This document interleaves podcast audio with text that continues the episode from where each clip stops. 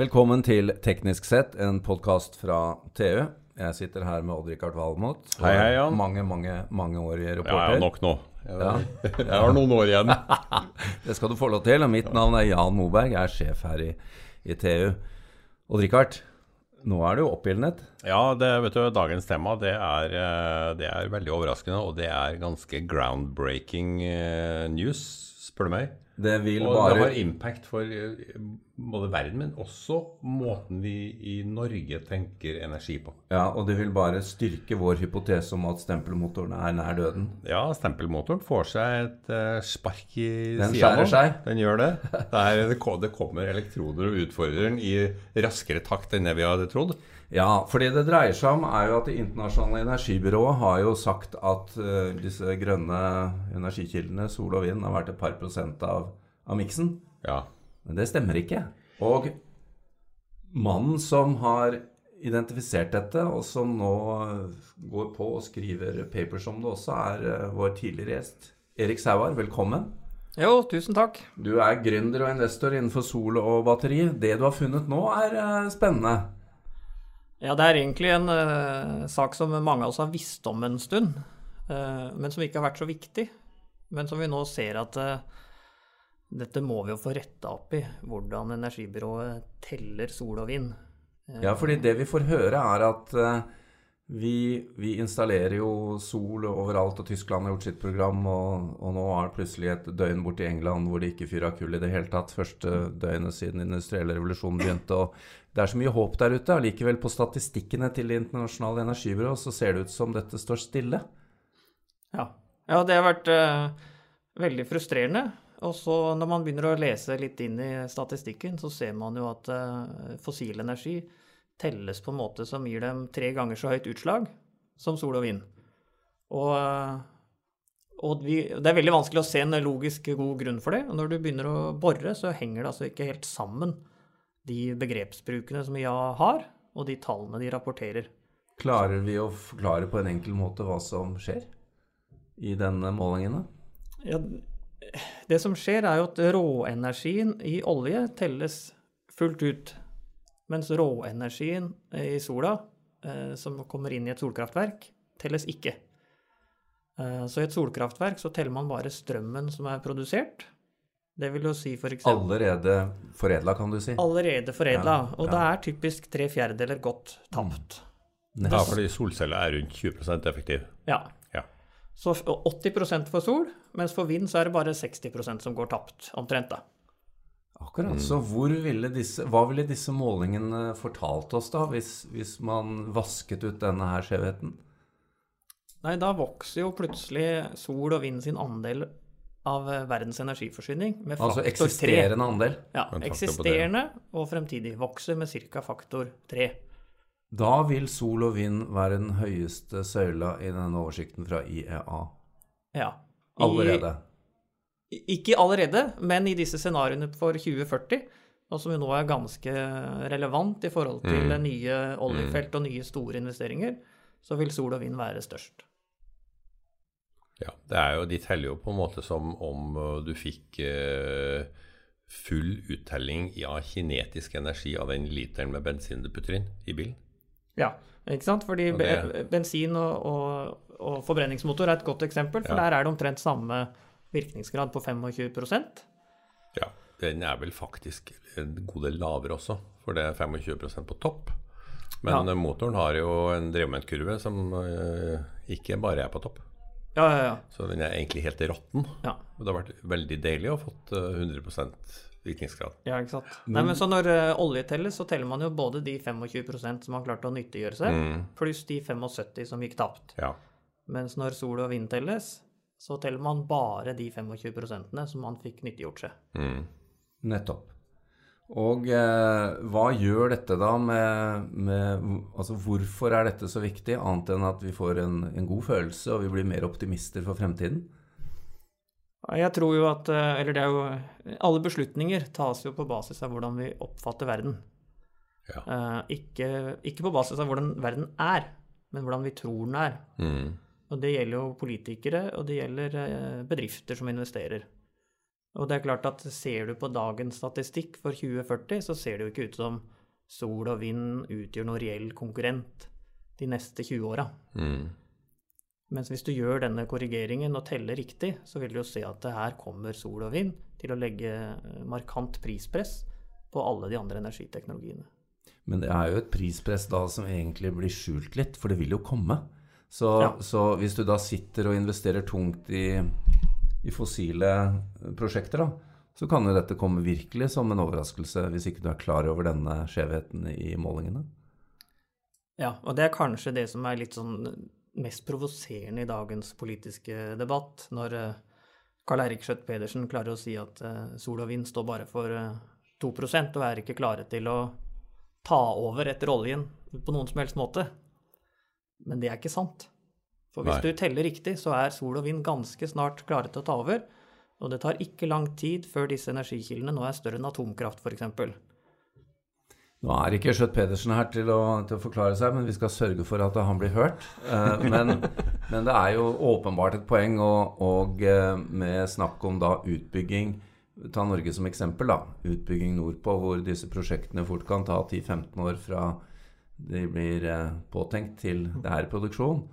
Så er kanskje risikoen enda høyere enn vi har tenkt, da. Eller trodd. For at eh, for, for de petroleumsprosjektene som vi ser på. Ja, det tror jeg er helt riktig. Og det er vel sånn at det er, det er vel eh, like før at det å investere i fornybar kraft er eh, mer lønnsomt i et langtidsscenario enn å investere i fossilkraft. Det, og det har vel kanskje, det brekkpunktet har vel kanskje allerede vært. Ja, for jeg tror det er veldig lite investeringer nå i fossil kraft. Ja, på tross av Trump. Ja. Altså det er noe i kull, men uh, mindre og mindre. Det er masse prosjekter som kanselleres. Mm.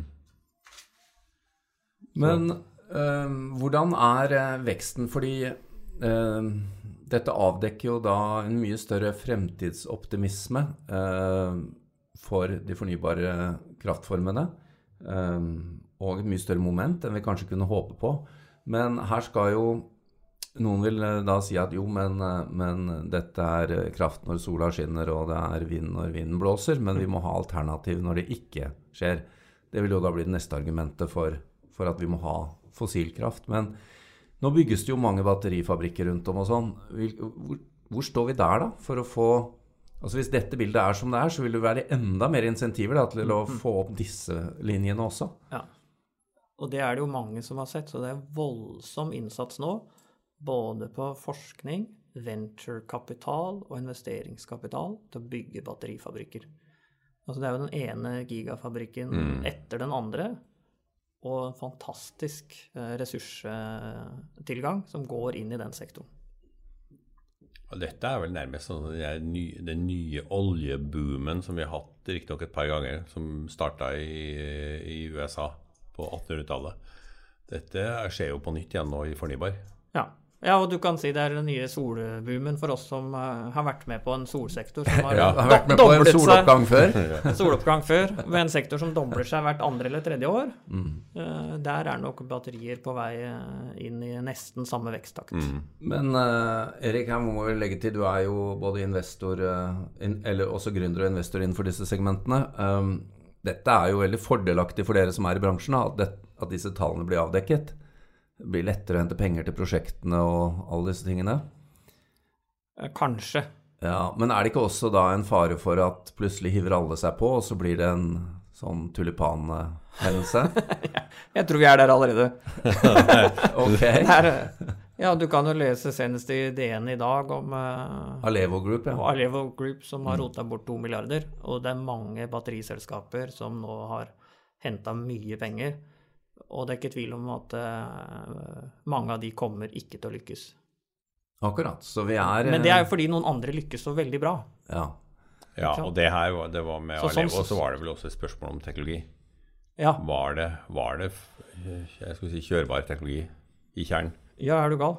Men eh, Fordi, fordi konkurransen her er jo knallhard. Mm. Du går jo, eh, akkurat som i sol og annen eh, hardware, inn i liksom verdens råeste konkurranse. Mm. Ja, PC-industrien har vært der før, og mange andre industrier har vært der før, og dotcom og alt mulig, så vi, vi kan jo ikke akkurat bare anbefale lytterne å gå og kjøpe batteriaksjer. Men, I, Men skal du vite hvert hva fall, du gjør? I hvert fall ikke over en lav sko. Nei. nei. Men Odd-Rikard, nå når dette kommer opp eh, Råstofftilgangen, altså disse batteriene består jo av ingredienser. Ja, det, er- det, har jo vært, det har vært mer og mer spørsmål nå de siste par åra. Har vi nok litium? Har vi nok kobolt? Og akkurat nå er det vel kobolt som blir pekt ut som uh, problemmateriale. Ja, Man er leter etter andre koboltkilder enn i Kongo, og så prøver man å eliminere kobolt i batteriene. Ja. Ja, det er klart at en sektor som vokser så kraftig, eh, så vil det hele tiden bli manko på et eller annet komponent. Og så hender det at man må leite litt ekstra for å finne en eh, erstatning. Men det er jo ikke, det er heldigvis ikke mange elementer som bransjen faktisk er avhengig av. Akkurat Nei. nå er det jo litium som man virkelig er avhengig av. Ja da. Og det er en del sjeldne jordarter i motorer når liksom hele Ja. transportnæringa skal elektrifiseres og sånn. Men det fine er jo at alt det her er jo resirkulerbart. Ja, og det, og det fins jo ressurser, det bare tar tid å utvikle Ja. prosessene. Mm. Det er ikke som med olje og gass, vi, hvor vi brenner det opp. Nei, eh, men det blir jo spennende da, å se hvordan eh, altså, Det blir veldig spennende å se om IEA tar dette inn over seg og endrer uh, måten de teller på. For det vil jo virkelig snu ting på Vi må faktisk spørre det, igjen. Ja, Jeg tror vi må gjøre det. vi må ta en tur til IEA. Ja, de har vel e-post også, tenker jeg. Spørre hva i all verden det er de holder på med. Ja. Men eh, eh, det er jo også et annet fenomen som eh, kanskje kan være greit å snakke om i den forbindelse. Fordi dette kan da gå enda raskere enn det vi har Eller det går raskere enn det rapportene tilsier. Og hvis vi appåtil også får de tallene frem, så vil da viljen til å satse, håpet om fremtiden, også kunne forløses på en helt annen måte. Også for politikere og investorer og alle andre. Ehm, nå viser det seg etter hva jeg har skjønt, at noen av disse batteriene i elbilene faktisk varer lenger enn vi hadde trodd.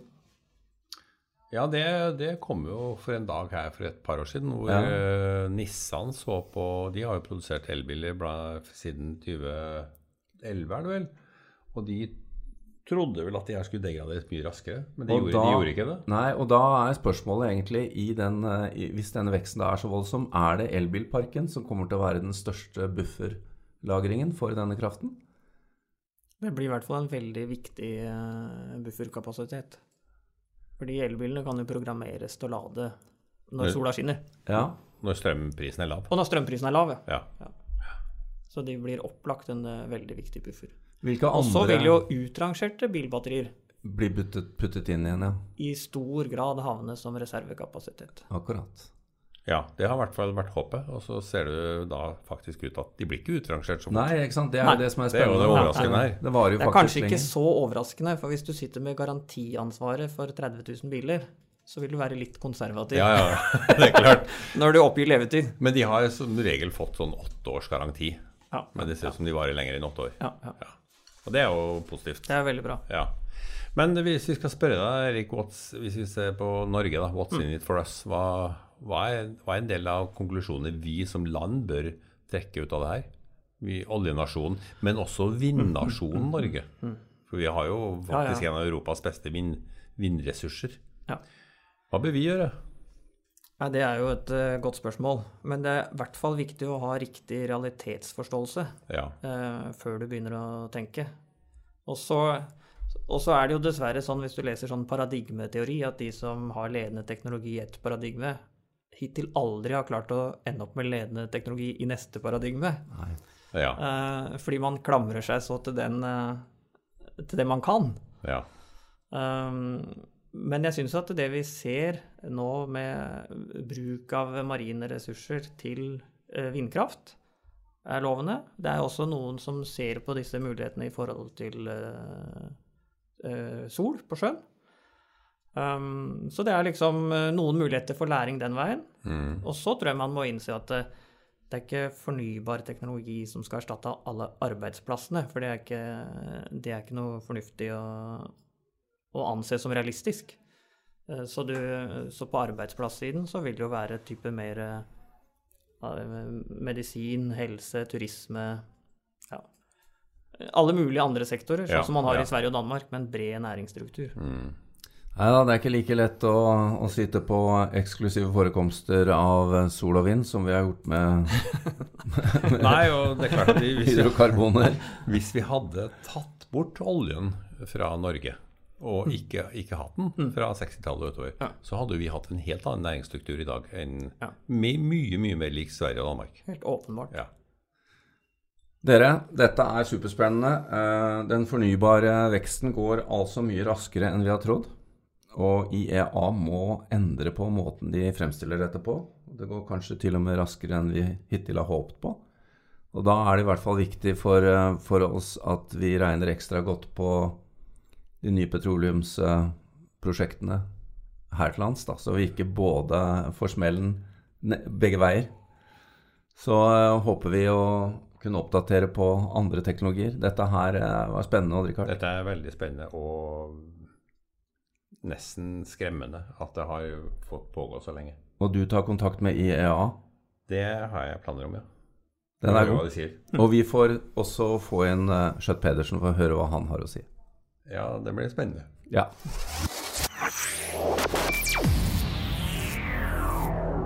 Yeah.